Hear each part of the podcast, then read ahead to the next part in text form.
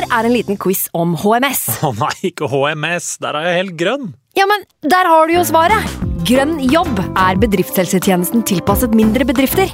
Våre HMS-eksperter hjelper mer enn 8000 bedrifter over hele Norge med alt fra lovpålagte HMS-krav til pålegg fra Arbeidstilsynet. Få på plass bedriftshelsetjeneste på grønnjobb.no. Hallo? Jeg kommer fra Oslo politikammer.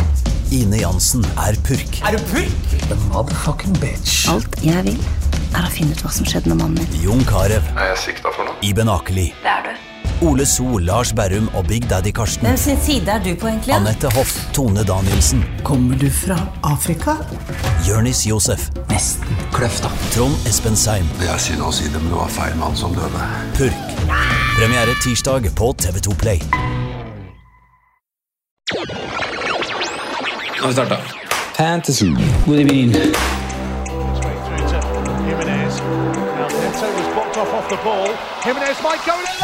God evening.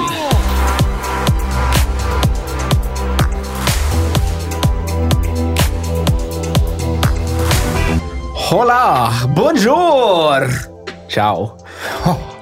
Eh, jeg sitter her i dag med min, en av mine freaks and geeks. Sondre, velkommen til eh, årets første. Sesongens første. Ikke årets første. Tusen hjertelig. Eh, Du har gleda deg eh, nesten fra det vi avslutta, faktisk, for bare eh, noen uker siden. Jeg har det. Motivasjonen har egentlig aldri vært bedre enn er Herregud, nå. nå glemte jeg en ting. Jeg hadde skrevet ned at jeg skulle si Nei, nei. Jeg, glemte en ting, Sondre. Jeg glemte For jeg skulle jo dekke Du sa du skulle dekke hele Det var noen språkgreier vi har glemt Ja. ikke sant? Ja, Altså, du sa bonjour, du sa Hola, hola, ciao. ciao. Jeg tenkte jeg skulle dekke veldig mange av de som hører på denne episoden, Jeg er kanskje på ferie nå, tenker jeg. Ja, ikke sant. Så kanskje de hører den og får litt sånn Føler viben litt ekstra. Ja, hvilket land glemte du? Jeg glemte Dobardan. Ja, Dobardan! Ja, jeg skulle inkludere Kroatia der. Kanskje noen er er noen som ligger på, på der. Eller Ja. ja. Pula eller hva de forskjellige typer heter. Det kan du si. Men du, sesongens første episode, det, det må jo vurderes til det. Det her. Hvordan Det det. eh, føles det? Terminliste slipp. Nei, det, det føles fint. Jeg er som sagt motivert. Mm. Vært det fra, fra fløyta ble blåst av i, i mai der, så mm, Nei, gøy. Gøy Mm. gøy å få pictures. Gøy å begynne å prate igjen. Gøy å være her med deg. Gøy å være freaks og geeks samla i brand new merch! ja! Stikk, vi har Ja. fått, uh, fått ei eh, det Det vi snakka om i oppsummeringa. Ja. Eh, I oppsummeringsepisoden så har vi jo fått uh, merch-shot i posten. Begrensa opplag. Jeg må kunne lagre det her hjemme for å sende det ut. Mm. Eh, vi kommer til å legge ut bilder, i hvert fall på Instagram og sånn, og sikkert litt på Twitter og Facebook òg. I hvert fall enkelt, men hvis man ser litt, en liten shoot, så legger vi det ut på, på Instagram. Men T-skjorte og hettegensere Ja. i begrensa opplag. Mm. Og vi har, eh, for at det her skal liksom gå rundt og ikke være veldig sånn at det går til posten hver dag, så har vi jo ordna utsendelsesdatoer. Og Vi har vi har en utsendingsdato i august, Mm. så de er ikke sånn Patrion-folk hører jo denne episoden kanskje allerede i dag, for den kommer ut på Patrion nå, og så roer det seg litt på moderne medier. Så, så de som hører den som podkast, hører jo den i juli, men den blir spilt inn på fixture release-dagen. Mm, 15. juni. Nei, 16. juni. Så vi kan ikke begynne å ta imot ordre på, på, på merchen vår enda. Neida, det skjer i løpet av, i løpet av sommeren, og så er det jo Patrients som selvfølgelig har et fortrinn der, som Mm. får muligheten til å, til å kjøpe første, første opplag, og så, Ja. og så får vi ta det derfra. Ja. Men eh, det er i hvert fall veldig kult. Er, jeg, jeg, jeg er stolt av å ha bære freaks and geeks. Jeg er, jo, jeg er jo både freak og geek, så Ja. kan man liksom definere litt hva som er hva, og hva er det å være en freak, hva er det å være en geek. Jeg er geek på mange ting. Det er jo, det er jo ganske, Vi har bestilt det fra D2, Ja. og det er jo ganske god kvalitet eh, kontra ting vi har testa tidligere. Vi har brukt og kasta litt penger på dritt, liksom. Ja, da, som vi har testet litt forskjellig som ikke har hatt den eh, passformen og kvaliteten vi kanskje ønsker, er men det her virker som det er eh, bra saker. altså. Og på genseren så er jo Altså, det er jo sydd på. Så det er ikke trygt på, så det vil jo ikke gå vekk i vaska. og sånn, Så det er jo eh, supernice. Men det er fint, nå kan, jeg håper jo at folk kan eie liksom, som det var det jeg skulle inn på, at freak å være en, være en nerd da. Mm. Jeg elsker det. Jeg, jeg er nerd på mange områder, og jeg er håper at liksom eh, Jeg håper at det kan bli eh, For det er ikke, det er ikke megamasse branding. Altså, har ikke, den er jo, det er ikke noe logo eller noe Fantasyrådet-logo, sånn, så du går ikke rundt som en vandrende reklameplakat. Nei, med- det er jo for de som vet, de vet. ja, Typ. ja, faktisk. faktisk. Eh, men eh, veldig veldig kult å få det i posten. Eh, vi skal snakke litt om, eh, om terminlista i dag, først og fremst, eh, Sondre. Og så kommer en episode ved spillslipp også. Mm. Den også tidligere ute på Patrion og sånn pga. trafikken her på Modernia. Modernia, Modernia. Modernia. Det er blitt mye, blitt mye vaksine på deg i det siste. Du, hva vi må vi ta hensyn til sesongen som kommer? Avbryte hverandre. Ja. Jeg, tenker, ikke i podkasten, jeg tenker på i terminlista. Ja, jeg, jeg, skjønte jeg, skjønte, jeg skjønte at du skjønte. Ja. Eh, Vi må ta, hva vi må ta hensyn til, det er et stort spørsmål. Vi, eh, når nå terminlista har kommet, så ser man jo at det kommer til å bli en det visste vi jo, det, det er et, eh, et verdensmesterskap i, i fotball som ligger inni der. Som skal spilles i løpet av Premier League-sesongen. Hvor vi alle skal få en, få en pause fra fotball og, og reise litt rundt og gjøre andre ting. Fokusere på familie, venner og de nærmeste rundt oss. Og liksom bruke tid på det, og kan koble helt vekk fra fotballen i en måned. Det blir veldig godt. Mm. men det gjør jo at det blir et, eh, det blir et opphold i, Premier League da, som er, eh, som er nytt for, ja. for så lenge jeg kan huske. Eh, og som gjør at det blir jo litt mer intense perioder i, eh, i seriespillet. Eh, det er to måneder Oktober er en lang måned, april er en lang måned, men i, i, de, de månedene her så skal det spilles seks ligakamper. Um, I tillegg så er det Europaligaen og Champions League og sånt ved, ved siden av som, uh, som skal trøkkes inn her. da. Eh, Champions League-gruppespillet begynner 6.9., altså mellom Gameweek 6 og Gameweek 7. Eh, det er tidligere enn hva det pleier å gjøre. Eh, og det, det er også en ambisjon, da, eller det, det er lagt opp til, og det skal fullføres i forkant av VM. Uh, så det betyr at liksom, eh, gruppespillskampene spilles eh, back-to-back-uker, og ikke på intervaller, eh, som det ble gjort tidligere. Så det betyr at for lag som, som er i Champions League, Europa League, sånne type ting, er det ni kamper i oktober. Seks Premier League-kamper, mm, tre europakamper. Det er mye kamper som skal spilles. Det er landslagspause i Altså, det, blir liksom, det blir liksom en sånn desemberkjør i oktober, oktober. Ja, det jo egentlig det. Jeg Starter litt i, i september egentlig med landslagspause. og så er det liksom hvor- mye skal spilles fra ulike landslag der, det, Mm. det vet man helt aldri. aldri men eh, Men jeg ser jo også det, det på, på kampprogrammet generelt, så er det jo altså det er jo lagt opp til ganske masse tidlige midtukekamper. Mm. Vanligvis så på starten av sesongen så er det jo ikke et sånt kjør. Det pleier å komme ut i desember, og det har liksom, det har liksom blitt litt, litt sånn framkynt og framskynt Herregud, det er voldsomt. er det er lenge siden jeg har vært i studio. Det er jo, ja. Ja, men eh, det kommer en del midtukerunder. Allerede i august så har vi jo en. Eh, Så, så da er man liksom i gang med det som sikkert også blir et slags rotasjonskjør. Ja, det er jo det jeg liksom- så vi har jo gleda oss en vanlig sesong, men det blir jo ikke det. Nei. Men vi vet jo mer av det i forkant. da. Nå er liksom premissene satt fra start. og Ja. Det er jo, det er forde- forskjellen fra hva man har hatt uh, de tidligere åra her. En annen ting som er litt, uh, som jo er nytt, og som man må ta hensyn til på en eller annen måte, og som jeg er veldig spent på hvordan Fantasy Premier League uh, løser når, når spillet lanseres, er jo tilbakekomsten til ligaen etter VM. Mm. Som sagt her så er det eh, Gameweek 16 som er den siste runden før lagene skal ut i VM-pause. Mm. det er 12. november den, den kampen eller den helga runden går. Eh, og da er neste runde, Gameweek 17, Boxing Day. Ja. Og det er veldig spesielt. Uh, og da blir jo juleprogrammet blir jo liksom forkorta ned. De har tre intens det er litt, liksom en liten intens uke der hvor de spiller 26. desember, 31. desember og 2. januar, eh, som liksom blir det vi definerer som juleprogrammet. Mm. Men jeg er veldig spent på hvordan Fancy Premier League løser det her med den lange pausen. og man eh, Jeg snakka om det i oppsummeringsepisoden. Kan, kan det kanskje være verdifullt å allerede fra start lansere at ja, når, når lag kommer tilbake, eller når spillere kommer tilbake til sine respektive lag etter VM-pausen, har man da et wildcard? Mm. Det kan skje så mye i det, i det VM-et da, som kan ødelegge Fantasy Premier League-laget ditt med skader, belastning. Mm. Så den perioden der blir jo Der må man jo ta hensyn. Så får vi se hvordan Fantasy Premier League legger opp til at det skal bli, da. Det blir jo utrolig spennende. Så hvis du hører, hører det her som podkast, så, så, så, ja, så lytter du jo til Fortids-Franco og Sondre her. Men, eh, men, og det her kommer jo vi til å gå gjennom med en gang spillet lanseres. Vi Mm. antar jo kanskje at det er i nærmeste framtid fra og med i dag. Det har jo blitt tidligere og tidligere lanseringer, så, så vi er spent. Og én ting er jo liksom Europa, som du nevner, sånn, men vi har jo også de, de engelske cupene. Det skal vi jo også spille. Det er jo tradisjonsrike cuper. Altså 23. juni trekkes jo første runde. Det omhandler jo ikke Premier League, så det er jo helt uvesentlig. Eh, runde to vil jo foregå i slutten av august, men det vil ikke gjelde for lag som spiller i Europa. Så det vil ikke prege de. Ikke? Eh, de kommer inn i runde tre og har da også en ekstra kamp i november, da, som er utover det som er i fixture-lista, hvis man ser på fixture-lista nå. Eh, så du kan legge på Champions League og ligacup i, liksom i oktober-november-regninga. Så det blir et eh, voldsomt eh, kjør, Sander. Vi skal, vi skal gå gjennom hvert lag sine, sitt program.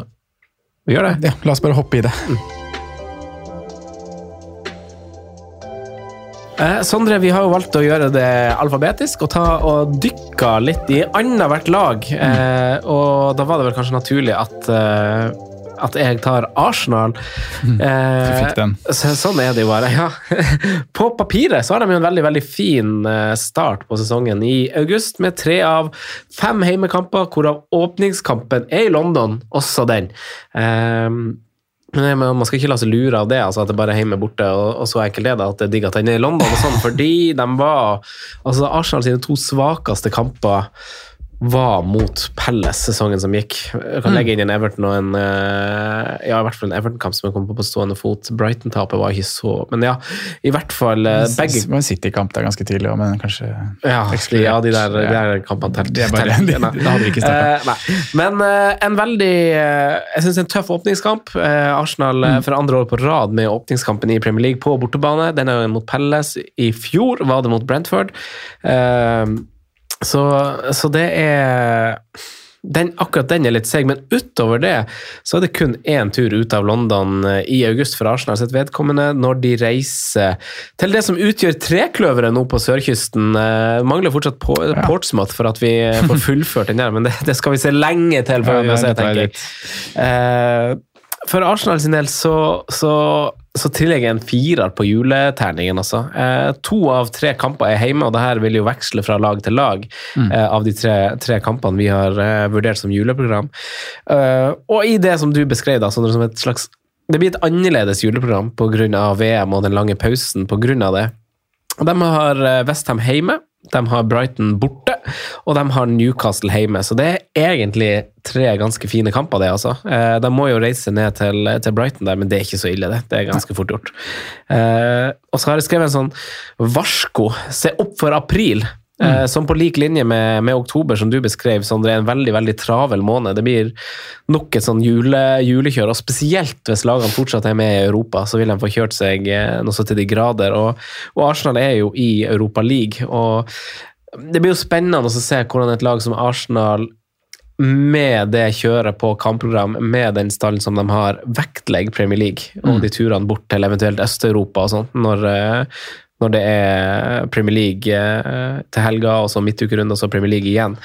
Ehm, så, så, så det er jo litt spennende. Men eh, Liverpool, Westham og City eh, er alle borte der i april for, for Arsenal, så det er en veldig tøff april. I tillegg har de Chelsea hjemme i april, mm. og det er jo fire av seks kamper der. da. Innspurten i mai syns jeg er grei.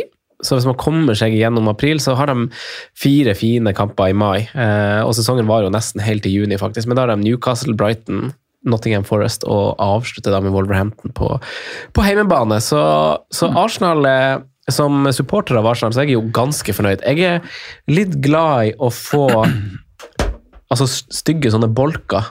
Eh, sånn som vi får i april. da nå. Ja. Med, og så er det også litt greit sånn å bare ja, vi tar dem borte, vi. Liksom bare så, Sånn at det ikke blir sånn én hjemme, én borte, én hjemme av de, liksom, de stygge lagene, men så bare rive av det plasteret. Nå har vi, det, Ja, ja. har vi fordelen av å ha dem hjemme nå i en, i en travel høst, Mm. eh, og så håper man at man kan komme godt ut av det, og så, og så blir det tøft i april, men da håper man liksom at man har bygd opp en viss sånn flyt gjennom resten av sesongen. Da. Så Ja, ikke sant? det er det jeg håper, ja. Men eh, det er godt mulig vi, vi starter med noen Arsenal-spillere på fantasy-laget vårt. Ja, for det er jo første tanken min her. Nå har jo vi eh, fordelt lag, som du sa innledningsvis. At vi har tatt annethvert eh, lag nedover alfabetisk. Og mm, har jo unngått å dykke i hverandres lag. Så jeg sitter jo her nå og liksom får første Det er eh, fire timer siden terminlista ble lansert, og vi har jo brukt tiden på de lagene vi har fått fordelt ut der. og da, Jeg får innføringa i Arsenal nå. Jeg, jeg er jo helt enig med deg at runde én, Palace borte, den er jo den er uggen. Eh, På papiret kanskje grei, men når man liksom ser litt dypere på det, så er den, det er en tøff kamp. Men eh, Leicester, Bournemouth, Fulham, Villa i de fire neste er, det er veldig fine kamper. og Arsenal, man ser- Det er i starten man må ta poeng her. Da kan komme veldig godt i gang i forkant av, eh, i forkant av landslagspause og øh, oktoberkjøret som kommer. Så jeg skjønner at du er positiv Ja. til den starten, egentlig.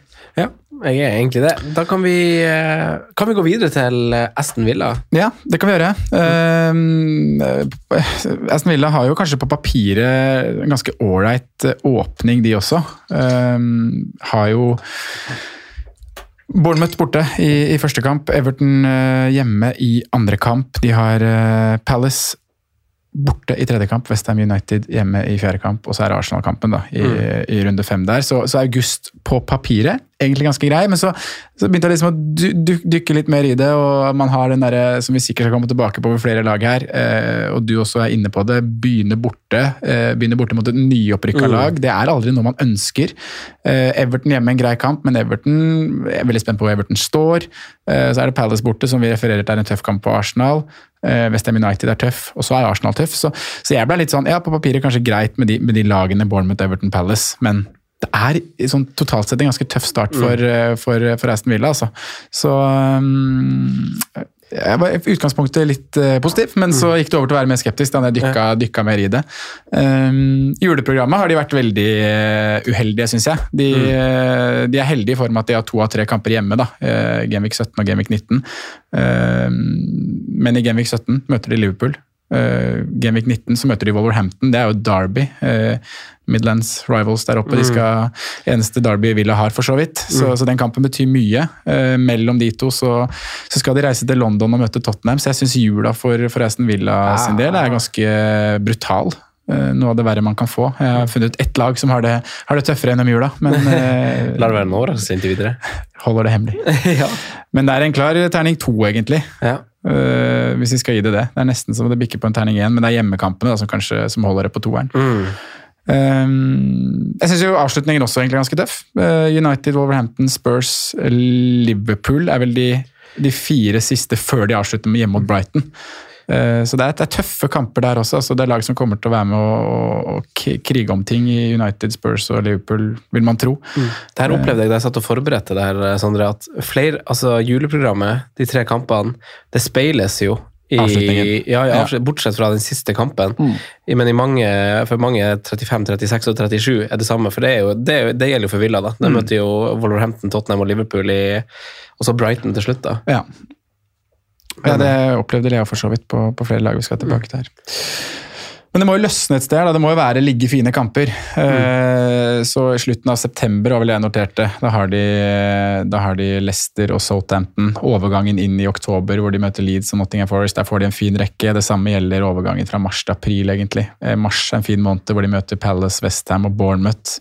Eh, april så, så er vi jo tilbake til det kjøret som, som er da med, med seks kamper og potensielt Europa på flere lag ved siden av. Da, da, møter, eh, da møter Villa, Nottingham Forest, Newcastle, Brentford og Fulham i fire av de seks. Så, så det kommer noen bolker inni her som kan bli fire, fine, men eh, som det ser ut nå, så, så er jeg skeptisk, selv om det ser ganske fint ut med Bournemouth i runde én fra start for Aston Villa sin del. Mm. Jeg egentlig deler dine tanker egentlig på, rundt Villa. At det er, det er ikke stygt, men det er ikke fint heller. Nei, Det er liksom de der bananskallagene som du ikke vet helt eh, hvordan det blir Nei. Og så er det det med den det er tilbake til en hjemmekamp i starten. Det, det gjør mye. Eh, både for eh, liksom, Når vi skal sette opp et fantasy-lag, så vil man jo ha en hjemmespiller òg. Og Da er det ekstra tøft å møte et nyopprykka lag borte. Det, det ser vi også historisk. Eh, vi, kan, vi kan bevege oss til eh, sørkysten eh, eh, denne gangen. Uh, vi har jo tre sørkystlag, det syns jeg er koselig. Jeg syns det er veldig koselig eh, det tenkte jeg på akkurat nå, uh, å se kamper som spilles der nede. Ja. uh, så jeg gleder meg Spesielt i Bournemouth, eller? Ja, heller det enn for så vidt St. Mary's også. Brighton, Brighton men, sist. ja, MX er litt sånn Jeg har ikke sånn der solrikt inntrykk av det, men jeg vet jo at det er mange sjelløs stadion. Føler, hva? Det er vanskelig å si, jeg har ikke vært der. Nei, nei, er men jeg har inntrykk av at veldig mange engelskmenn, hvis de skal feriere i eget land, så er det mange som drar dit. Ja. Du har liksom strandlinje og Nærmest du kommer Ayanapa. ja, ja, det er liksom bedre enn eh, The Docks i Sunderland og. Liverpool, tror jeg. Men uh, Scott Parker and his South Coast Boys. De får en veldig tøff start, Sondre. Ja. Eh, De har jo villa i, i åpninga før eh, troikaen av City, Arsenal og Liverpool eh, kommer. Og august avsluttes med Wolverhampton borte. Så, så de har liksom villa i åpninga, og så har de som sagt de tre lagene der, City, Arsenal og Liverpool, etter hverandre. Så da skal man se langt etter å velge noen Bournemouth-spillere, tror jeg, på på, på fantasy-laget sitt. Og, Ja. eh, jeg kunne nok ha satt litt penger på at jeg tror de er på bunnen av tabellen eh, idet vi går inn i september, i hvert fall, og at de egentlig generelt, basert på det dere skal få høre nå om kampprogrammet til Bournemouth, at eh, jeg tror de er en solid eh, nedrykkskandidat. Altså, greit nok opp, altså, Man tipper jo ofte nyopprykka der, men altså, sånn, de har ikke blitt gjort noen tjenester av de FA her. Uh, jula, sånn, i motsetning til Arsenal, som jo, har, uh, som jo hadde to heimekamper, så har jo Bournemouth uh, to borte. De er mot skal vi se, i motsetning til Arsenal, ja, mot United og Chelsea, med en hjemmekamp mot Vieira og Pelles imellom. Det er kjedelige kamper! Liksom, Hjemmekamp mot United, borte mot Chelsea. borte mot begge. Borte mot begge. Ja, og så er Pelles heimekampen imellom der. Ja. Så du skal liksom bort til United, hjem og spille mot Pelles, og så skal du opp til United og spille kamp. Opp til Chelsea, opp til London. Ja. Ja. Nei, den er seig. Den, den er, den er røff. Ja. Eh, De har ikke gjort noen tjenester, som du sier. Nei, nei, de har ikke det. Så, så jeg tenker også at liksom, hvis vi ser videre på det, at Parker burde kanskje ha sikra plassen om han fortsatt har jobben da, Mm. innen mai. fordi da igjen så er det jo det samme. Det er United og Chelsea.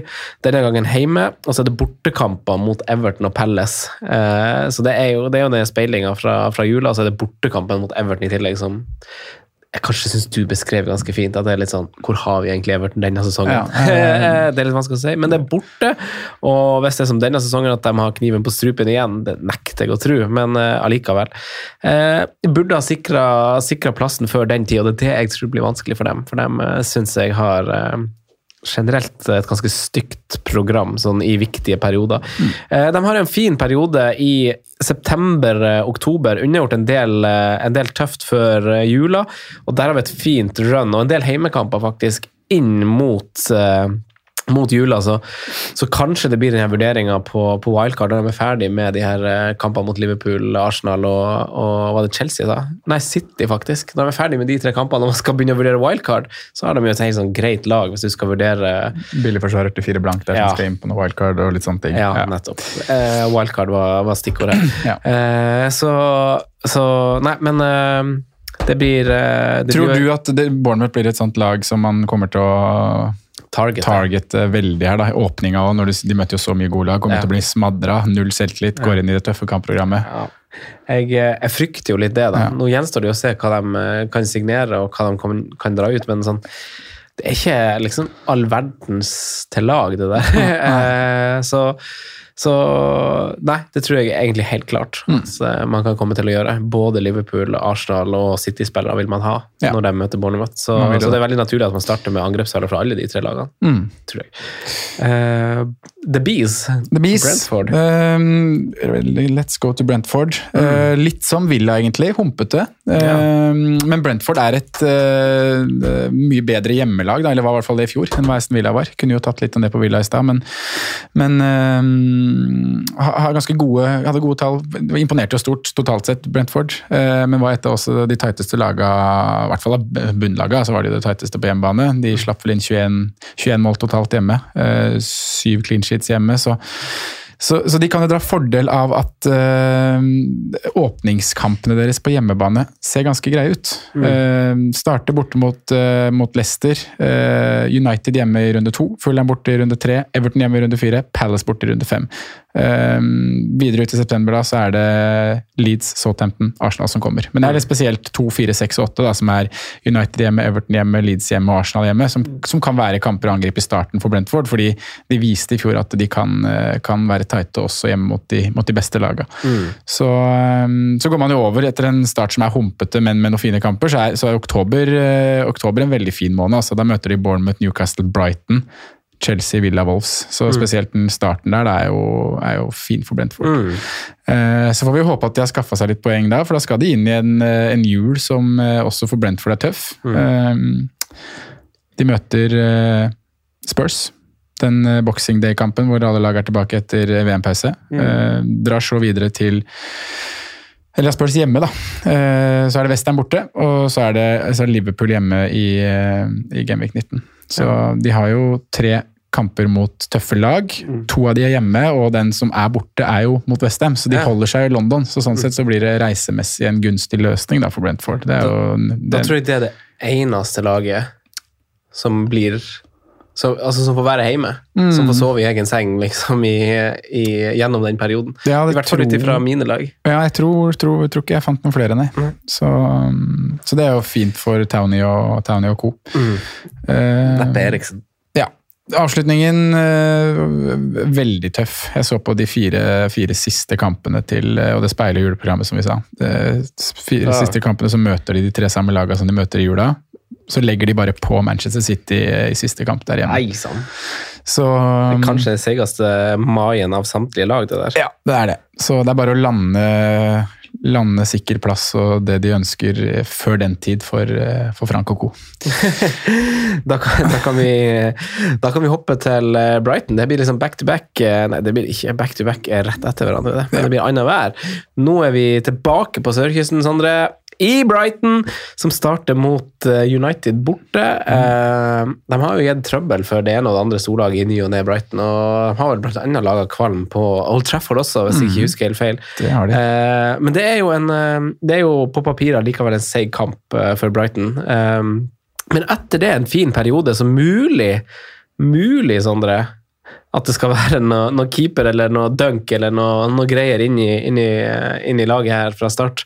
Uh, men igjen, det kan også være uh, litt sånn wildcard-avhengig. Uh, det, det er vanskelig å si, syns jeg, med enkelte av Brighton-spillerne når man går inn i et transfervindu og bekrefter hvem som er trygg den neste sesongen i elveren.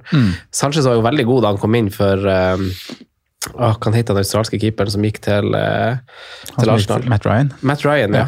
Så kom jo Sanchez inn som liksom var tredjevalget, egentlig, og så var han skikkelig god. og så jeg synes han Denne sesongen hadde et par brølere som var litt sånn øh, nå, nå, nå må du slappe av litt. han ble litt eh, kan man si, høy. Ja.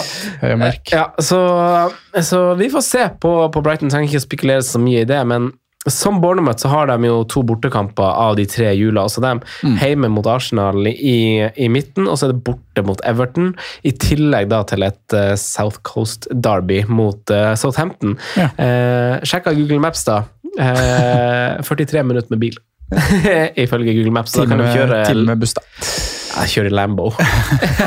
Ja, gjør det. Kjører Lambo. Uh, avslutter sesongen veldig veldig seigt. De møter Chelsea, Tottenham og City etter hverandre i april.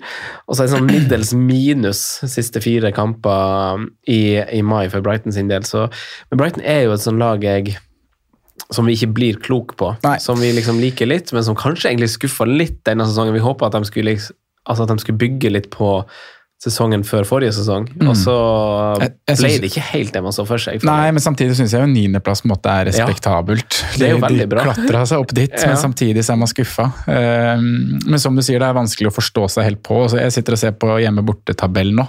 Mm. Eh, Og ref det du snakka om her innledningsvis, at de starter med starter med litt bortekamper, så er det ikke sikkert det er dumt. Brighton blei ble nummer 16 de, på hjemmetabellen i fjor. Eh, kun Burnley, Leeds, Norwich og Watford bak seg. Mens på bortetabellen så ble de faktisk nummer fem. Syv seire borte, åtte uavgjort, kun fire tap. Oi. Så uh, ikke sikkert det er så dumt det du er inne på med en, med en Brighton-keeper uh, i starten her, hvor de skal de skal bort i en del kamper, men de har også ganske fine hjemmekamper inni der. da. Newcastle og Leeds hjemme i to og fire. Eh, Så slenger du på eh, United, Westham, Fulham og Leicester borte. Så er det en sekser som egentlig er ganske sexy. Ja. Kan For et lag som er Du, best du borte. argumenterer jo egentlig godt med, med borteform der. Eh, sesongen før så var han veldig god på heimebane. Ja, kan godt hende det. Så det det illustrerer er- kanskje godt et bilde av eh, Hvor mye man skal legge i sånne ting, er jo alltid en diskusjon. da. Så Ja. det er jo... Ja, jeg tror ikke det er liksom nødvendigvis tilfeldig, men det er bare litt sånn Det er jo litt som Southampton nå da. De Mm. hadde jo også en sesong hvor de var helt forferdelig på hjemmebane. Ja. De, Everton har jo hatt sånne ja, så det er liksom Det virker nesten litt sånn sesongbasert av en eller annen grunn. Helt Mm. umulig å forklare hvorfor. Men eh, så skal vi jo til første, eller andre, topp seks-lag, i hvert fall eh, hvis man teller på den tradisjonelle måten, og, og Chelsea. Ja. Eh, sånn. Chelsea, eh, starten. De har eh, tre bortekamper i løpet, av, i løpet av de første fem. Eh, Starter på Goodison. Leeds United borte i runde tre. Southampton i eh, runde fem borte. Innimellom der så skal de opp mot en annen topp eh, topp fire-motstander i Du får oppgjøret Chelsea-Tottenham allerede runde to. Gøy å se fram til. Eh, og så er det Leicester i runde fire hjemme. Så det er eh, egentlig tøff motstand hjemme og eh, bedre motstand borte, da. Passer jo bra for et Chelsea-lag som på lik linje med Brighton var bedre borte enn hjemme i fjor. Tok jo faktisk flere poeng borte Chelsea også. Mm. Var vel Brighton de snubla mot hjemme òg, blant annet. ikke jo, det er godt mulig. De hadde mye sånn 1-1, mye uavgjort hjemme i hvert fall. Eh, men så er jo, ja, som du sier, så er det Champions League-lag, og de skal ut i Europa, så, så det blir jo et voldsomt kjør, da. Eh, Champions League starter 6. eller 7. september, eh, mellom Gameweek 6 og 7. Eh, I den perioden her så møter det er grei motstand for, for Chelsea, noe som kan hjelpe de da, men jeg ser for meg at det kommer til å bli mye mot rotasjon. De har Westham i, i runde seks hjemme, Fullham i runde sju borte. Eh, Så starter Champions League, og så er det Liverpool da i, i runde åtte før landslagspausen tas. Og så kommer de tilbake til et ganske greit program i oktober, hvor det da skal spilles seks Premier League-kamper og tre Champions League-kamper. Så ni kamper i oktober for Chelsea sin del. Da skal de møte Palace, Wolverhampton, Villa, Brentford, Manchester United og Brighton. Så det er egentlig ganske greit. da. De kunne hatt det mye verre, syns jeg. Men det der er jo et problem for framtids-oss. Eh. Ja, Fordi vi det er det. kommer til å komme til oktober, og så blir det sånn Å, Reece James. Reece James har vært god. Ja, hva faen så gjør vi? god han er. Og så blir det sånn der Reece James banker, og man sitter og venter, venter før deadline der for å se den lagoppstillingen til Chelsea, og så står det en eller annen utlånssoldat fra en rælkrubb i Spania på, på wingbacken der. Ja, det er jo akkurat det som kommer til å skje. Så um, vi, får, vi får ta det når den tid kommer, Franco. Um, jula. Veldig fine kamper når de kommer tilbake fra VM. Uh, Boxing Day hjemme mot Bournemouth. Så skal de videre og spille mot Nottingham Forest i, i runde 18. Um, så blir det en prøvelse da med, med City, som uh, kom på besøk til Stamford Bridge 2. januar. Uh, Palace-kampen etter der, og så er det Liverpool. Så de gjør unna City og Liverpool på, på tre runder der i starten av januar. og mm, Da speiles jo på en måte programmet litt at de kommer til å ha City eh, avslutningsvis. Men eh, ellers enn City i mai, så er det Bournemouth, Nottingham Forest og Newcastle. Så en veldig fin avslutning for, eh, for Chelsea sin del også. Så alt i alt Det, det, er, det, det jeg liksom har konkludert med, er at eh, det kommer til å bli et kjør. eh, hvordan du skal stable spillere fra Spurs, Liverpool, City og Chelsea, som du jo vil ha mange av. Ja. Vi kommer jo til Liverpool og City senere. Vi har sagt at vi vil targete Arsenal. Mm. Hvordan skal vi løse det her med alle kampene i Europa på sida, landslagspause, oppkjøring til VM? Jeg, jeg, jeg håper jo egentlig Det eh, Det her blir jo til Patrion som hører det nå, da, men jeg håper jo at spillet jeg, altså jeg liker jo faktisk at spillet lanseres tidlig, for jeg Ja. syns det er artig at spillere får en pris i den klubben de i utgangspunktet var i. Hvis det blir en intern overgang i Premier League. da. Mm. Ja, så Gabriel Jesus, da, hvis at han kommer inn som, som City-spiller før han går skal ligge litt under Haaland i pris, og så går han til Arsenal og blir ja, main man til eh, ti blank. Ja, ikke sant. Ja, han har vært overpriset mange år, han der raringen. Men uh, vi går til Pelles, og Pelles møter jo som kjent Arsenal i, i åpningskampen, da på Sellers Park, og møter i tillegg City og Liverpool som tre av sine fem kamper i august. Eh, de andre kampene sånn utover det er jo fine hjemmekamper mot, eh, mot Brentford og Villa, syns jeg. Eh, to av tre hjemmekamper i jula. Eh, Det er Fulham og Tottenham hjemme, mens imellom der er det et borteoppgjør mot et slitent Bournemouth, som vi snakka om i stad, kommer eh, og skal til en eh, bortekamp. Så et veldig fint program, syns jeg, for, for Pelles sin del i, i jula. Med, med, selv om det er London-lag, så er de på hjemmebane, så det er litt sånn Skulle gjerne hatt dem på bortebane når det først er travelt, men likevel.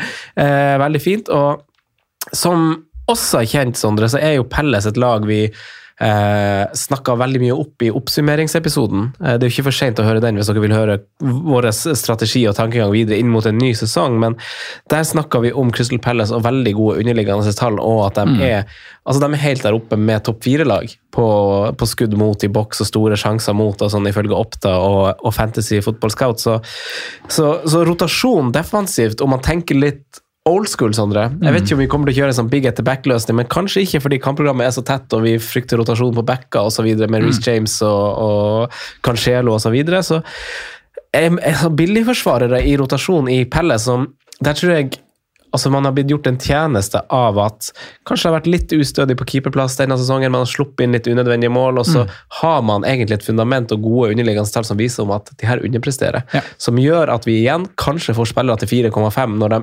egentlig burde ha ligget på 5 og 5,5 hvis de hadde prestert eh, i nærheten av, av tallene de leverte.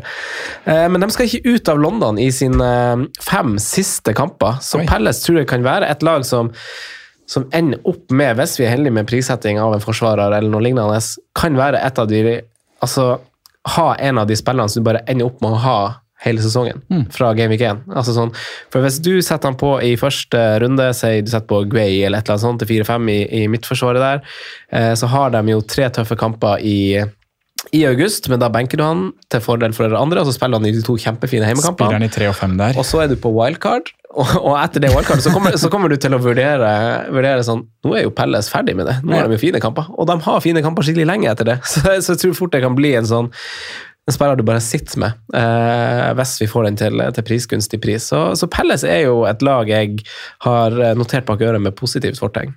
Spennende. Ja. Skal vi banke rett over på, på neste lag? Ja, vi tar, tar tre lag til før vi tar en liten pause. Ja, Everton er eh, Vi trenger ikke å snakke altfor mye om Everton. Det er et lag som du nevnte fint i stad.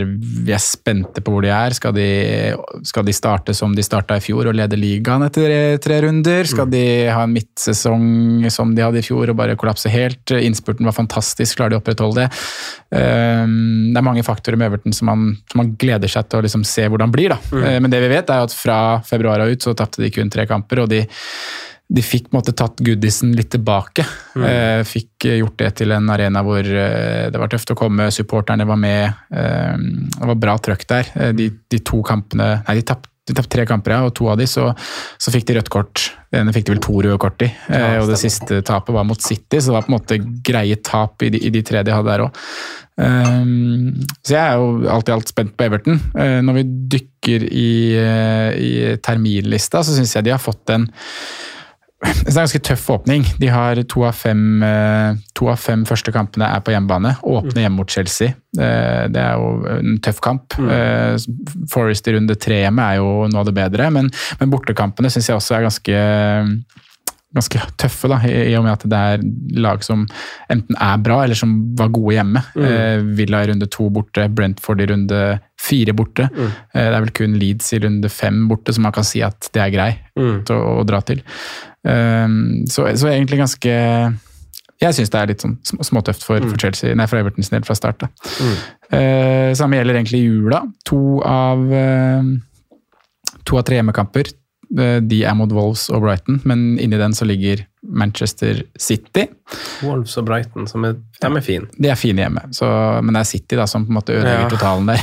Og Ja, Wolverhampton også syns jeg er en tøff kamp. altså Det er et lag som drar til alle arenaer og, og kan holde nullen. på en måte. Ja, han er helt enig. Så uh, Brighton hjemme er jo, er jo fint, men uh, Brighton var jo god borte i fjor, så, så man vet aldri.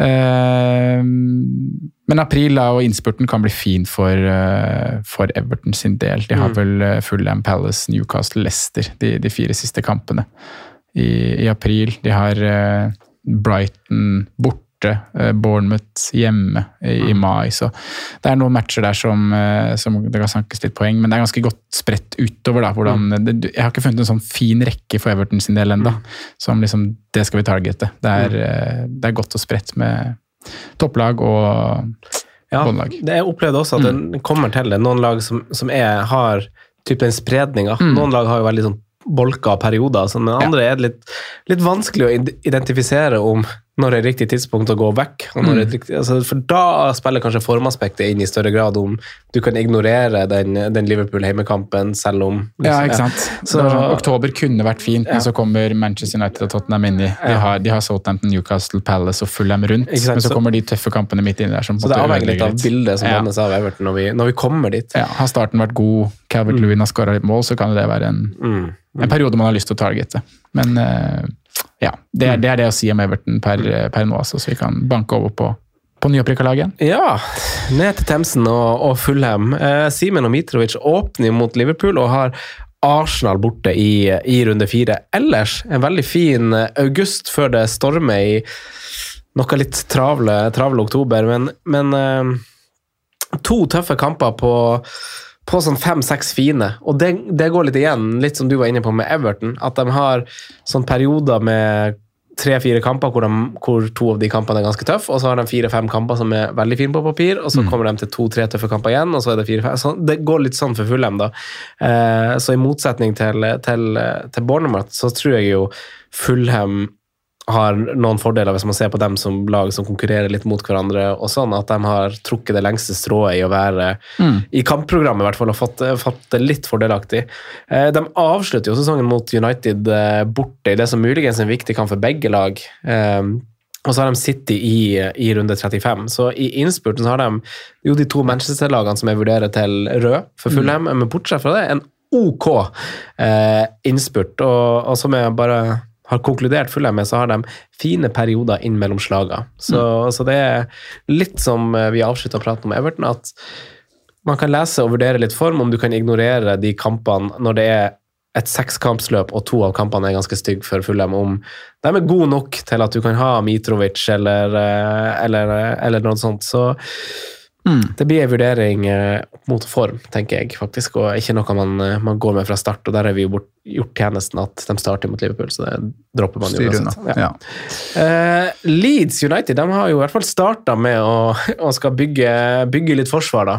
Ja. Med I, i overgangsvinduet, og det er jaggu med på tide. Klok av skade. eh, skade. hvordan ser eh, kampprogrammet ut? Nei, det, det ser ut som de kan kanskje trenge litt eh, forsvar her i starten. Eller de, de, det blir mange lag jeg kommer til å si at de har, har humpet et program for. Mm. Og det gjelder også Leeds. ikke sant? De har, eh, de har tre av fem eh, kamper hjemme i august, eh, som selvfølgelig er veldig bra. De møter Wolverhampton hjemme i åpninga, de har Chelsea hjemme i runde tre, og de har Everton hjemme i runde fem.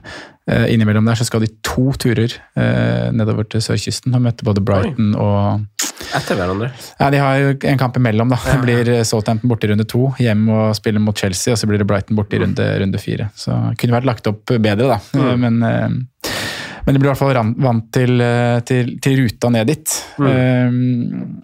Så eh, litt opp og ned i åpning. Det er muligheter for å ta poeng der. altså Southampton-Brighton, fine kamper, det kan skåres mye mål. Møtte gode defensive lag da på hjemmebane i Wolverhampton og Chelsea, som er som jeg anser som tøffe, og så er det Everton i runde fem som, som igjen er åpent. Eh, Men september-oktober åpner det seg litt. Da, da møter de en del lag som, eh, som man liksom tenker at kommer til å være rundt de på tabellen, og som de må slå for å, for å unngå nedrykk. De har eh, Nottingham Forest, Brighton, ja. i tillegg til Manchester United i september. I, I oktober så skal de møte både Villa, Palace, Fulham.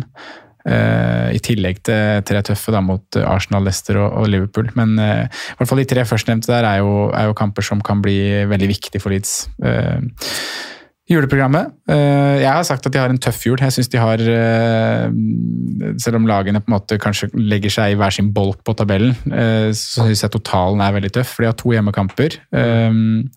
Boxing Day hjemme mot City. Den er jo tøff. Mm. Så skal de mot Newcastle, som kanskje ikke er det tøffeste laget å møte, egentlig, men Newcastle borte er en vanskelig match, og jeg tror Newcastle kommer til å havne høyere opp i år enn hva de gjorde i fjor. Eh, Så den anser jeg som veldig tøff. Og så er det Westham United i, i runde 19 hjemme. Så jeg syns ikke Leeds har vært noe heldig med juleprogrammet sitt. Jeg syns ikke det. Eh, Og så bør de ha ting klart før de skal, før de skal avslutte sesongen i mai. For da, da er det igjen City og, og Westham, eh, i tillegg til Newcastle hjemme og Spurs hjemme. Ja, Fire siste. Så det er en ganske, ganske brutal av, avslutning også, altså for Leeds sin del. Og en stall det kan skje fryktelig mye i på, på, på den tida. Ja. Eh, vi tar oss en liten pause, Sondre, og så kommer vi tilbake med andre halvdel om straks. Heia Pil! Eh, håper folk eh, Altså, hvis du er skikkelig nerd, Sondre, så det her er jeg noen sesonger. Noen somre så gjør jeg det, andre ikke. Dette er vel et tilfelle av en sommer jeg ikke gjør det. Men har du gjort Nei, nei, nei, nei, altså, skal høre hva du skal gjøre først. Ja, ja, for noen ganger når kampprogrammet kommer, så gjør jeg meg et estimat av hva spillere koster. Så jeg Mm. lager Ja, liksom et ark Ja. med liksom 15 spillere, og så skriver jeg liksom laget vil at han skal spille på. Mm. Så ser jeg for meg en rotasjon på spillerne bak, f.eks. Antar han koster 4,5, og så har jeg Mm. Trent og Cancelo og, og sånn, og så de andre 3-4-5, og så roteres de, og så ser man for seg en pris. Og det kan man jo gjøre, så, så hvis folk har sittet med blokk nå eh, halvveis inn i episoden, så kan jo det være behjelpelig når vi Mm. nå skal inn i uh, jojo-laget Leicester, uh, som var helt umulig å si hva de, hva de holdt på med forrige sesong. og var, vi antok vel at det var den her Conference League de prioriterte, som gikk skeis. Men eh, tre angivelige topp seks-lag i august, eh, med Arsenal, United og Chelsea. Fra september så blir det ganske fint, og spesielt oktober, hvor, eh, hvor lagene som Altså hvor alle lag egentlig spiller seks kamper. Eh, da har Leicester fire av de på heimebane, så det er jo bra for de. Eh, jula deres er også fin, vil jeg si. Hjemmekamper mot Newcastle og Fulham er jo dødsfint, og en bortekamp mot, mot Liverpool imellom, eh, som er dødsdust. uh, så det er jo den verste bortekampen sammen med, med City borte. På den andre sida er det jo drømme heimekamper, da. Eh, innspurten, den er jo Der har det jo City og Liverpool som igjen speiles her, blant sine siste åtte. Nei, ikke, det er bare Liverpool, sorry, som som er i speilinga. City er ikke det, for det er runde Ja, det spiller ingen rolle, men de har de to lagene eh, i, i, blant sine siste åtte. Men ellers har de ganske fine kamper på, på innspurten. eh, Leicester litt som i år, faktisk. Eh, Så generelt på papiret så syns jeg Leicester har et, eh, et fint program, og kanskje spesielt i de avgjørende fasene. Igjen, Hvis jeg bruker Bournemouth som eksempel, så, så ser vi jo på, på litt sånn sårbare perioder for lag, og hvordan, hvordan eh, det kan være for de eh, i denne episoden. Så der kommer jo Leicester ut på, på motsatt side av Bournemouth, på en måte, for i avgjørende perioder så har de ganske fine kamper. Eh, så, så det gjenstår å se hvor, hva, vi, hva vi får ut av Leicester. Det blir liksom ikke sånn fryktelig, fryktelig klok, men eh, Nei, men ikke det. Det, det var jo hadde jo, Når de først ble ferdig med Europa og kom seg ut av det, så hadde de jo en veldig god avslutning på sesongen. Mm. og det var noen spillere der som James Madison var jo god i hele år, egentlig, men han øh, kom først i de siste rundene. Man begynte liksom ordentlig å snakke om han i fjor. Mm. Jamie Vardy kom tilbake. eh, hadde vel tre seire på de fire siste og skåra fem mål mot, mot Botford, som jeg husker. så så jeg var jo litt sånn ja, Hvem er Leicester fra start? Hvordan blir det her? Mm. Så blir det med ett mye vanskeligere da, når du ser på åpningsprogrammet. Fordi Brentford og Southampton i, i 1 og 3 er veldig fine kamper. og så har du Arsenal, Chelsea og United rundt der, som du sier. Så det blir en nøtt, det der. altså. Men det kan hende man kan lures inn på noe rotasjonsforsvaret, da, som Ja, du nevner. Hvis det, hvis det er mulig. Banke over på, på Liverpool. Ja. Kan ikke, kan ikke kalle annet enn en prima det programmet som Liverpool har blitt eh, gitt. Altså. Det er eh, ja, det er nyopprykka lag borte i første kamp, og det er kanskje ikke ønskelig. Uh, Manchester United på Old Trafford i runde tre skal man liksom prate om med respekt, da. Men eh, men runde to, fire, fem er, er kamper hjemme mot Palace, Bournemouth, Newcastle. Eh, I runde seks skal de til Goodison. Eh, runde sju er de tilbake på Anfield mot Wolverhampton. Så, så totalt sett så er det her, eh, er det her veldig fint mm. for Liverpool fra start. Altså. Fullham var jo bortekampen i første runde, da, som, Ja. som det nyopprykka laget jeg nevnte. Um, så, så en prima åpning for Liverpool sin del. Og liksom begynne å snakke et kaptein og sånne ting. Så Palace hjemme runde to, Bournemouth hjemme runde fire, Newcastle hjemme runde fem. Mm. Det er noen som sikter seg ut og må se på noen rotasjoner der, og så skal du dykke, dykke i City sitt program, som også kanskje krasjer litt da, eh, etterpå. Um, så blir det spennende inn i september-oktober. Eh, første oppgjøret mot City, det ligger midt i Midt i en periode der hvor det er, begge er i gang med Champions League. Eh, spilles 15. oktober, vel. Eh, andre oppgjør mot City ligger i april. Du, når sa du, når sa du kampene til eh, Nå var Liverpool sine fine hjemmekamper i, i august der. Eh, de har hjemmekamp 13. august mot Palace. Da har City Bournemouth hjemme. Mm, de har hjemmekamp 27. august mot Bournemouth. Da har City Palace hjemme. Ja, og de har eh, 31. august mot Newcastle. Og da har New City Nottingham Forest hjemme. Yes. Så vi ser på spredte kapteiner, muligens. Vi gjør det. Vi ser på Team Erling og Team Sala og så har vel Kane også har vel noen fine kamper innimellom her. Kane og Ja, hvis du skal si Kane, Kane, kanskje skal si Son isteden, ja. Ja. Men ja, det, vi har jo, det er jo det på en måte man har, eh, man har sett her nå, man har dykka i det, at den, Mm. eh, den stablinga der, den, eh, Den får vi prate mer om når prisene kommer, men Ja. den blir vanskelig. Eh, men jo, det jeg skulle si var at oppgjør nummer to mot City ligger 1. april. da. Så det er eh, egentlig med litt grei avstand fra, fra sluttspillet Champions League. Mm. Det starter vel i mars en gang og fullføres ut i april. så... Det blir spennende å se. Eh, jula, da møter de Aston Villa borte på Boxing Day. De har Leicester hjemme i Gameweek 18, og de har Brentford borte i Gameweek 19. Mm. Det er eh, helt greit, Mm. for å si det sånn. Mm. Helt decent. Ja, helt decent. Men det er Eh, Liverpool, da. Ja. Så er, det, så er det fire Ja, ikke sant, det er Liverpool. Mm. fire fine kamper, egentlig, i, i mai der. Brentford, Leicester, Villa, Southampton. Mm. En fin, fin avslutning for Liverpool, der, altså. Liverpool, ass. Er det den som skal stikke av med det, eller er det Erling og co. som skal til Westham og søndagskamp i aller første runde? Sparer Eh, kaptein til søndag, gjør vi ikke det? Ja, nettopp. Vi skal sitte med S i ermet der. Ellers er jo tre av fem hjemme for City sitt vedkommende i august. Eh, utrolig fint program egentlig til oktober, og som vi kanskje hinta litt om når det gjelder Liverpool, så, så er jo City og Liverpool er jo de er jo et nivå over alle de andre lagene. Så, så jeg føler liksom Når jeg lager en fixture-ticker i Excel, så lager jeg ikke røde kamper bortsett fra når de møter hverandre. Da er det oransje for begge. Eh, Ja, ikke sant? Eh, Men i oktober så møter de United, Arsenal og Liverpool. Eh, Så Ja, det er jo en sånn tøff, tøff rekke samtidig som de skal spille Champions League og sånn. ja, Hvis vi kan referere til det samme som du sa om Chelsea, da, Ja. så får du litt tøffe kamper, og du får Champions League. Så Sånn sett så er det litt seigt. Eh, De møter jo de tre Spørs om lagene i en firerundersperiode. spørs om de har troppen til å håndtere det, da. Ja, det er jo det, da. De har jo lite bredde og sånn. Ja, ja, ikke sant? De har litt problemer der, så vi får se om de klarer å løse den floka. Uh, En periode det ikke blir enkelt å være manager, i hvert fall. Fancy manager. Det kan du si. Eh, men det skal, også er det, og så har jo også Arsenal og Liverpool borte etter hverandre. Og det er jo litt sånn tricky, for, for de, det er jo, en av dem er jo midtukekamp, så de har Liverpool lørdag, og så skal de til London på tirsdag, og så skal de til Manchester igjen på lørdag. Ja. Så de skal til Liverpool, London, Manchester på seks dager. Så, så det, blir, det blir hektisk for dem, og så blir det jo det samme kjøret sikkert i uka etter, for da er det Champions League. Så, da, så da er det liksom Manchester, utlandet en plass, og så bortekamp. Så, så den er litt seig, faktisk. Så det blir nok et rotasjonskjør uten like, tror Ja, jeg, det altså. i, i City. Så identifisere den spilleren offensivt som man, man tror man kan gå for det. Ja, Kan, det- og så det liksom sånn, kan man gå uten? Kommer, kommer Brauten til å bare gå inn og være the main man som bare skal spille alt? Aner ikke. Hvordan er formen til Kevin De Bruyne fra Ja, start? ikke sant. Ja, starten er like godt som avslutta. Nei, det er, Det er vanskelig. Det er Så de har to bortekamper i de tre julekampene, og det er Chelsea og det er Leeds. Og så er det en hjemmekamp med Everton imellom der.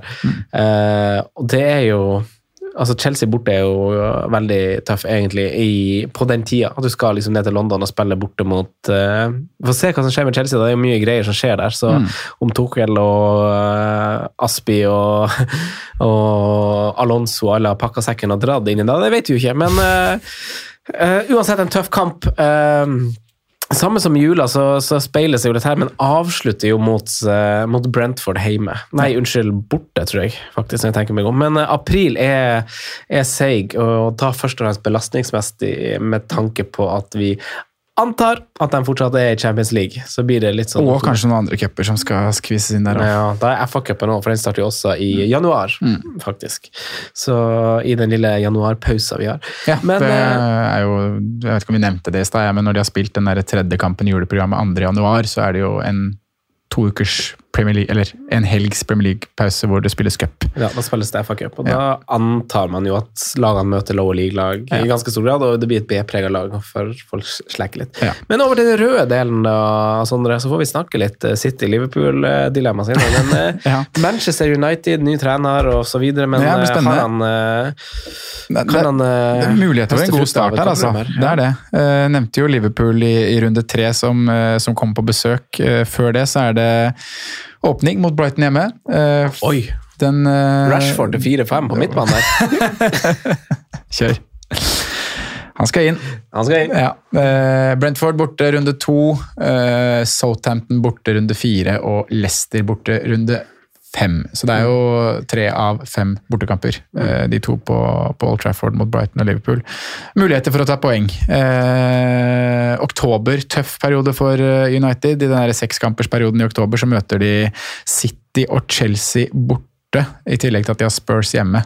Eh, I tillegg til det så er det Newcastle og Everton og Westham United. Mm. Så det syns jeg er seks ganske tøffe kamper. altså. Enig. Eh, Så, så oktober, hvis ikke, det, hvis ikke det plukkes poeng da, i løpet av august-september her jeg September da er det Arsenal Palace Leeds i en, en treer der før landslagspausen. Så hvis ikke det plukkes nok poeng der, så kan det bli en travel, eh, travel oktoberperiode for eh, Erik. Europa League òg. Det er det også. Uh, jula er prima. Det må sies. Eh, de skal til Wolverhampton eh, inni der, men de har en hjemmekamp mot Nottingham Forest Boxing Day, og de har en hjemmekamp mot Bournemouth i Oi. eh, den nyttårskampen, holdt jeg på å si. 2.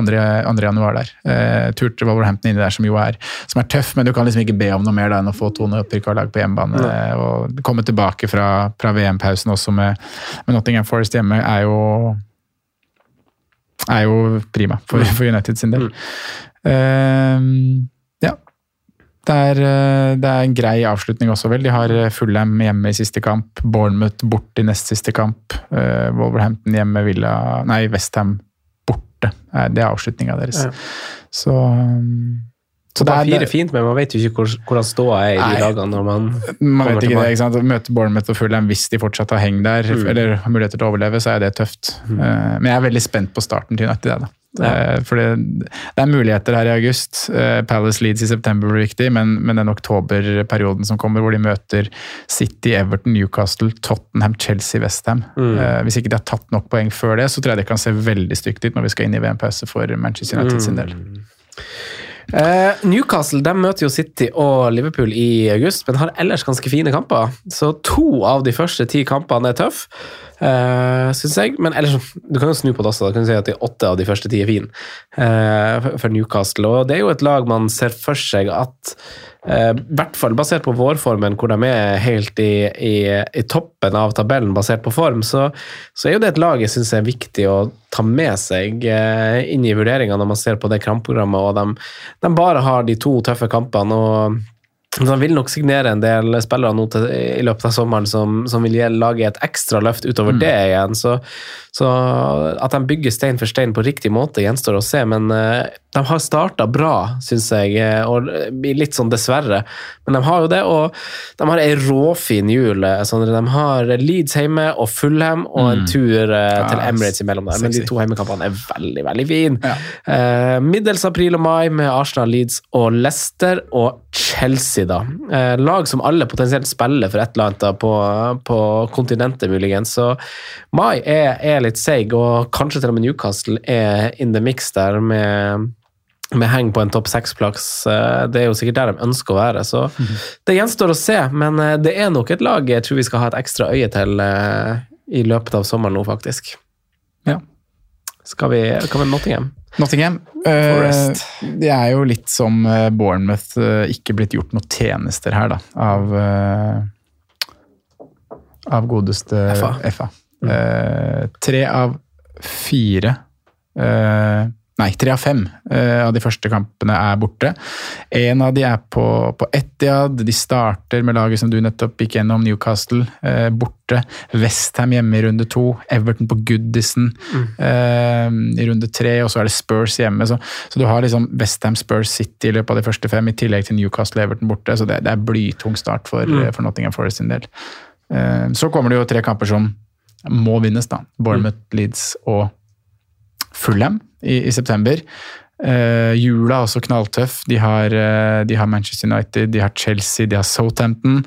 Uh, så sånn sett så, så, så gis det ikke noe gaver der heller. Og, og avslutninga er egentlig ganske åpen, så vi får bare se hvordan det ligger an da. Men de har Southampton, Chelsea, Arsenal og Palace. Så de, jeg, jeg fant ingen jeg, perioder hvor, bortsett fra den treeren i september, hvor Nottingham Forest virkelig har fint program. Men så er den treeren i september veldig fin, da. Bournemouth Leeds Fulham. Ah, det er faktisk kjedelig. Det er jo et lag som jeg og du, vår generasjon, har liksom, syns jeg, synes det er ganske kult å få opp, sammenligna med hvis det hadde blitt Huddersfield som hadde trukket det lengste strået der, så fikk vi Forest og er For, kjipt. Forest og I. Forest og I, ja. Ja. Kjipt om vi får den kasteballen eh, Forest, som vi så den gangen de rykka ned for mange år siden. Ja. Men eh, i hvert fall kult å ha den opp igjen, og det ryktes jo at City Ground er en helt rå stadion å være på, så Ja. det er kult å få opp noen sånn old school-varianter igjen. Det blir sikkert bra trøkk der i runde to hjemme mot Westham United. Det blir det most def. Eh, Southampton eh, og heldigvis for Southampton er Hasnyttel og Livramento og, og Southampton best på høsten, for det rakner jo fullstendig og går opp i liminga og det som måtte være på våren. Eh, men august, august, August. Det er tredje eller fjerde sånne, eh, sånne merkelige jeg har i dag. Men, eh, men eh, det kommer hardt, eh, med Spurs, United og Leicester og Chelsea som fire av sine fem første kamper. Så det er blodrødt på papiret for eh, Southampton-gjengen. Eh, En fin periode egentlig fra Boxing Day, fra man kommer tilbake fra, fra, fra VM eventuelt, eller til pausen for noen, da. Eh, for det tas jo en pause etter Liverpool for deres vedkommende 12.11.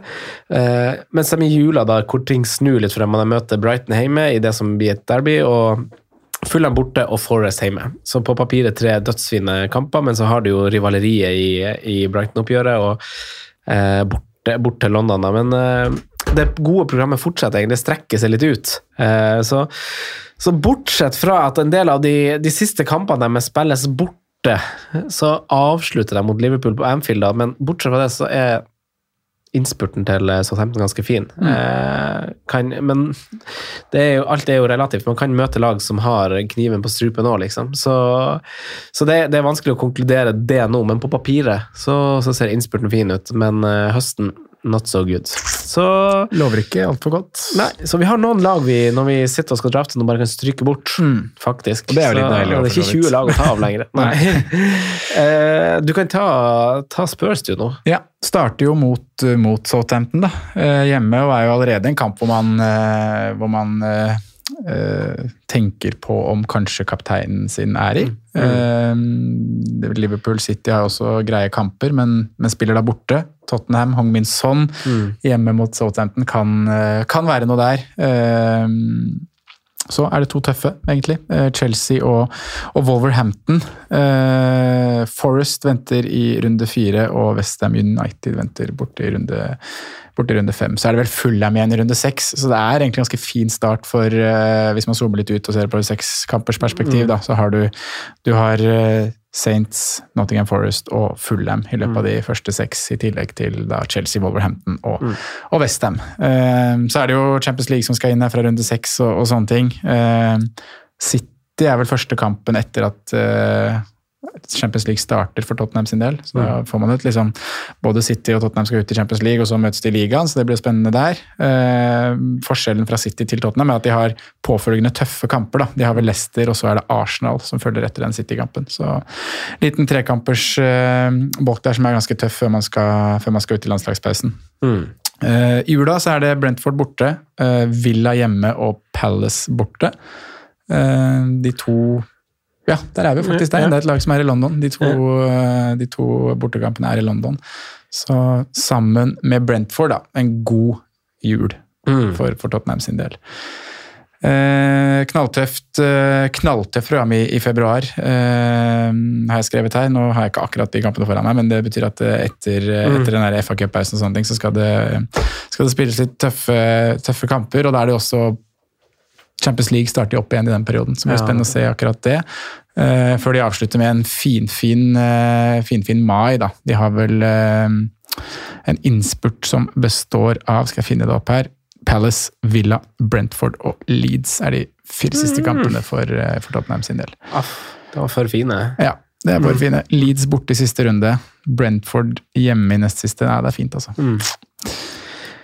Det er fint for eh, Conte og co. Eh, Westham starter jo mot City borte. Eh, verst tenkelig start for deres del, og skal nok, skal nok få bryna seg litt på City, tenker jeg. Eh, etter det så venter Forest, Villa, Brighton og Spurs i august. Eh, tre av fire disse, av disse fire spilles hjemme før det kommer en, en bortekamp mot Chelsea da i, i, eh, som første kamp i travle oktober. Eh, men det er jo bare, det er bare en eh, svipptur gjennom byen med en Lambo, så, så er man der. Eh, Arsenal borte, Brentford hjemme og Leeds borte i jula. Eh, så de er jo i London i to kamper på rad, men det kunne jo ha løst seg på en bedre måte. det der. Eh, Så jeg så det da jeg satt opp så på Arsenal sine kamper sånn å, de møtte, de møtte Westham liksom hjemme. Kanskje Westham er heldig nå og har, har de hjemmekampene, da. Eh, men de fikk, fikk den borteturen eh, bort der. Eh, så et godt utgangspunkt ble ikke så god slutt eh, på, på juleeventyret til Westham, men eh, greit er det.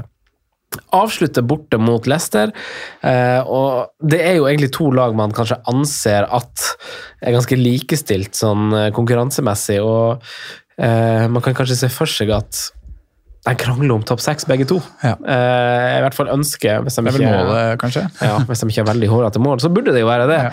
Eh, og det kan jo være, det kan jo være avgjørende eh, oppgjør med tanke på at det står om europaplass. da. Mm. Eh, I tillegg så har de Arsenal, Liverpool og United som, eh, som i en treer der eh, i en sånn femkampsperiode like før. da. Så, Mm. så de har noen tøffe inn mot innspurten før det avsluttes med helt greit, og så, så Leicester borte. da. Ja.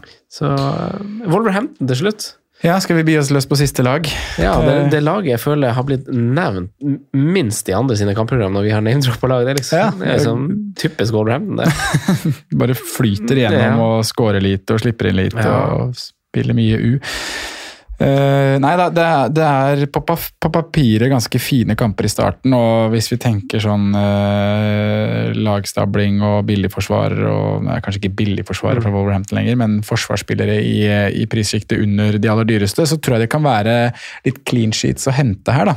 Eh, dog er to av de fem første kampene borte, eh, men de har i løpet av de første fem Leeds, Fulham, Newcastle og Bournemouth. Ja. Eh, Fulham og Newcastle hjemme i to og fire.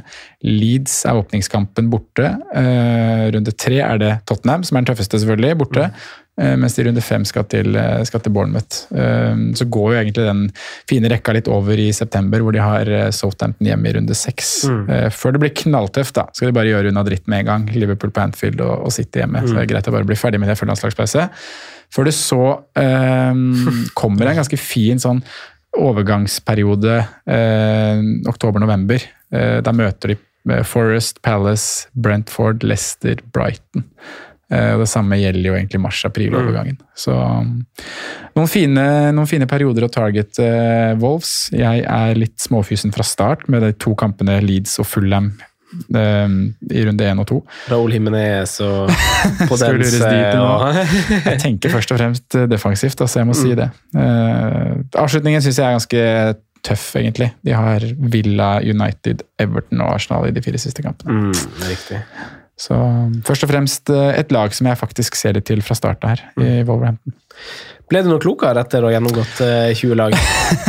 Det er jo mye info å ta inn, da. Ja. men man får jo en liten sånn oversikt over Det er greit å få litt oversikt over datoer og, og hvilke perioder som kommer til å bli ganske hektiske. Det har jeg følt at jeg har fått uh, en oversikt over. Eh, det første man gjør, er å liksom se hva targeter vi fra start. Eh, hvordan skal vi løse premiumsfloka her, blir jo en veldig, eh, et veldig stort eh, dilemma for oss. Det blir veldig vanskelig, faktisk, fordi sånn jeg har tolka oss nå, så er det ganske mange lag som har uh, fine kamper innledningsvis. City, Liverpool, United, delvis Chelsea, Tottenham. Uh, lag, angivelig topp seks-lag uh, som du vil Ja, hvis, hvis, som du vil dekke. Ja, Hvis vi tar liksom og, og ser på bare de topp fire da, som, som ble topp fire i fjor, City, Liverpool, Chelsea, Spurs, så har de City runde to har Bournemouth, Liverpool runde to har Palace, Chelsea runde to Tottenham. da, Den er tøff, så de møtes jo da. Men det er liksom City Liverpool spesielt som har eh, hjemmekamper som krasjer i 2-4 mot eh, Bournemouth, Palace og Palace Bournemouth. De møter liksom de samme laga. Ja, ikke sant. Um, Mm. Spurs, eh. Saint-åpningen, Fulham hjemme, Forest borte i Mm. runde, runde fem, vel er det. Så de skal møte mye svake lag i Mm. starten, altså de, de beste laga her. Ja, de skal det. Det der blir vanskelig, Sondre. Mm. Billiglagene jeg har notert meg, er Newcastle, Palace og nå Wolverhampton her på tampen. Ja, kanskje. Men jeg er veldig på, på Newcastle, som du sier. De, Ja. de tror jeg kan bli fint å gå litt inn i. Du, Sondre, da gjenstår det bare å ønske lyttere av denne podkasten eh, fortsatt god sommer. Og sommer. takk for at dere støtter, og god sommer til dere òg. Og vi er tilbake i juli. Vi har satt datoer for preseason-episoder i Mm. slutten av juni. Den kommer ut fortløpende på Patrion, og så kommer det ut siste uka før Premier League starter jo tidlig, da. Mm. En sånn podkast. ja. That's it. That's it. That's it, Takk for i dag, Franco. takk for i Nå ble jeg kokt i hodet, men det var veldig, veldig gøy. Det var veldig gøy å være i gang. Vi snakkes. Adios.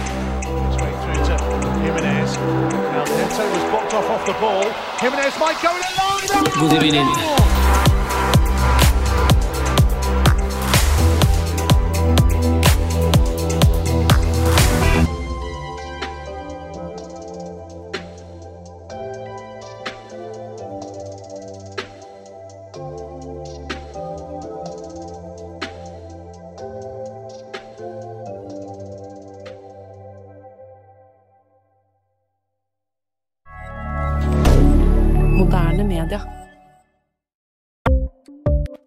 Ukens annonsør er Folio, en smartere banktjeneste for deg som har en egen bedrift eller ønsker å starte for deg selv. Folio er en superenkel nettbank for bedrifter. Som kunde i Folio får du en bedriftskonto med et bedriftskort og app.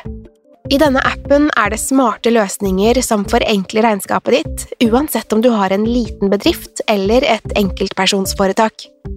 Folio er både intuitivt og brukervennlig, og er laget med et enkelt språk. I tillegg tilbyr de forutsigbare priser og ingen skjulte gebyrer. Skulle du likevel trenge det, så kan du snakke med deres raske og hyggelige kundeservice, og der får du prate med en faktisk person og ikke en chatbot. Folio er med andre ord både enklere og koseligere enn banken. Over 10 000 bedrifter har allerede valgt Folio som sin banktjeneste, så besøk folio.no og se hvordan Folio kan forenkle din hverdag også. Har du et enkeltpersonforetak eller en liten bedrift? Da er du sikkert lei av å høre meg snakke om hvor enkelt det er med kvitteringer og bilag i fiken, så vi eh, gir oss her, vi. Fordi vi liker enkelt. Fiken superenkelt regnskap.